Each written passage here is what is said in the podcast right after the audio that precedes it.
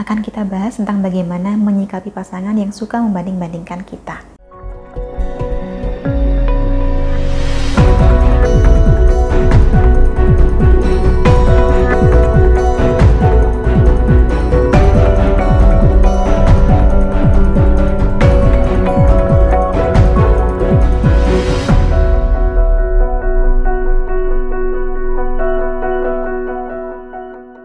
Salam Rahayu, dengan saya Dewi Sundari. Apa kabar Anda hari ini? Saya doakan semoga selalu sehat dan senantiasa diberikan kemudahan dan kelancaran di mana pun Anda berada. Jika sebelumnya sudah kita bahas tentang apa saja dampaknya bila kita membanding-bandingkan pasangan kita dengan orang lain, maka kali ini untuk melengkapi bahasan tersebut akan kita bahas tentang bagaimana menyikapi pasangan yang suka membanding-bandingkan kita.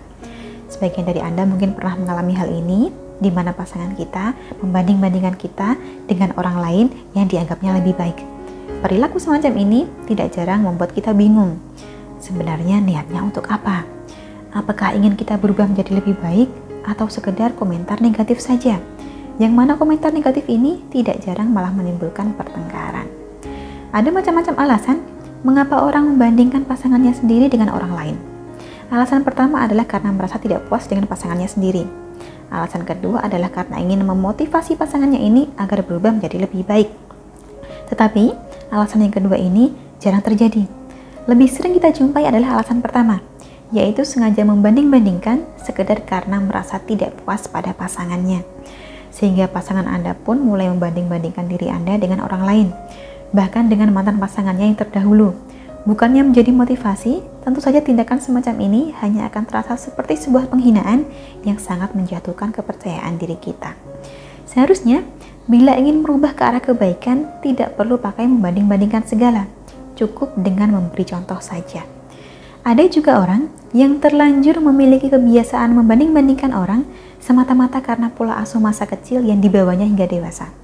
Kalau kasusnya semacam ini, maka besar kemungkinan pasangan Anda sama sekali tidak sadar bahwa ucapannya terasa menyakitkan.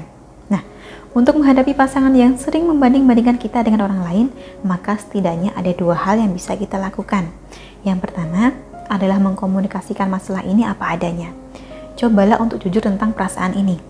Beritahu pasangan Anda bahwa Anda keberatan bila terus disamakan dengan orang lain. Sebab antara Anda dan orang lain yang dianggapnya lebih baik ini adalah dua pribadi yang berbeda.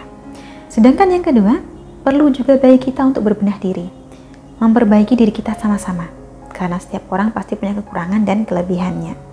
Menerima apa adanya merupakan suatu syarat mutlak dalam sebuah hubungan. Tetapi menerima apa adanya bukan berarti mentolerir semua kelemahan yang ada. Bila masih ada ruang, bagi Anda maupun pasangan untuk berubah ke arah yang lebih baik, maka manfaatkanlah ruang perubahan itu sama-sama. Saling membenahi diri, saling belajar satu sama lain, tanpa perlu membanding-bandingkan segala. Cukup menetapkan tujuan yang ingin dicapai bersama. Lalu bagaimana?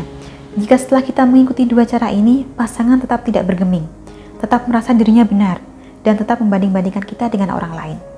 Inilah tandanya hubungan Anda tidak sehat. Pasangan Anda belum cukup dewasa untuk menyelesaikan masalah tanpa menyebabkan pertengkaran.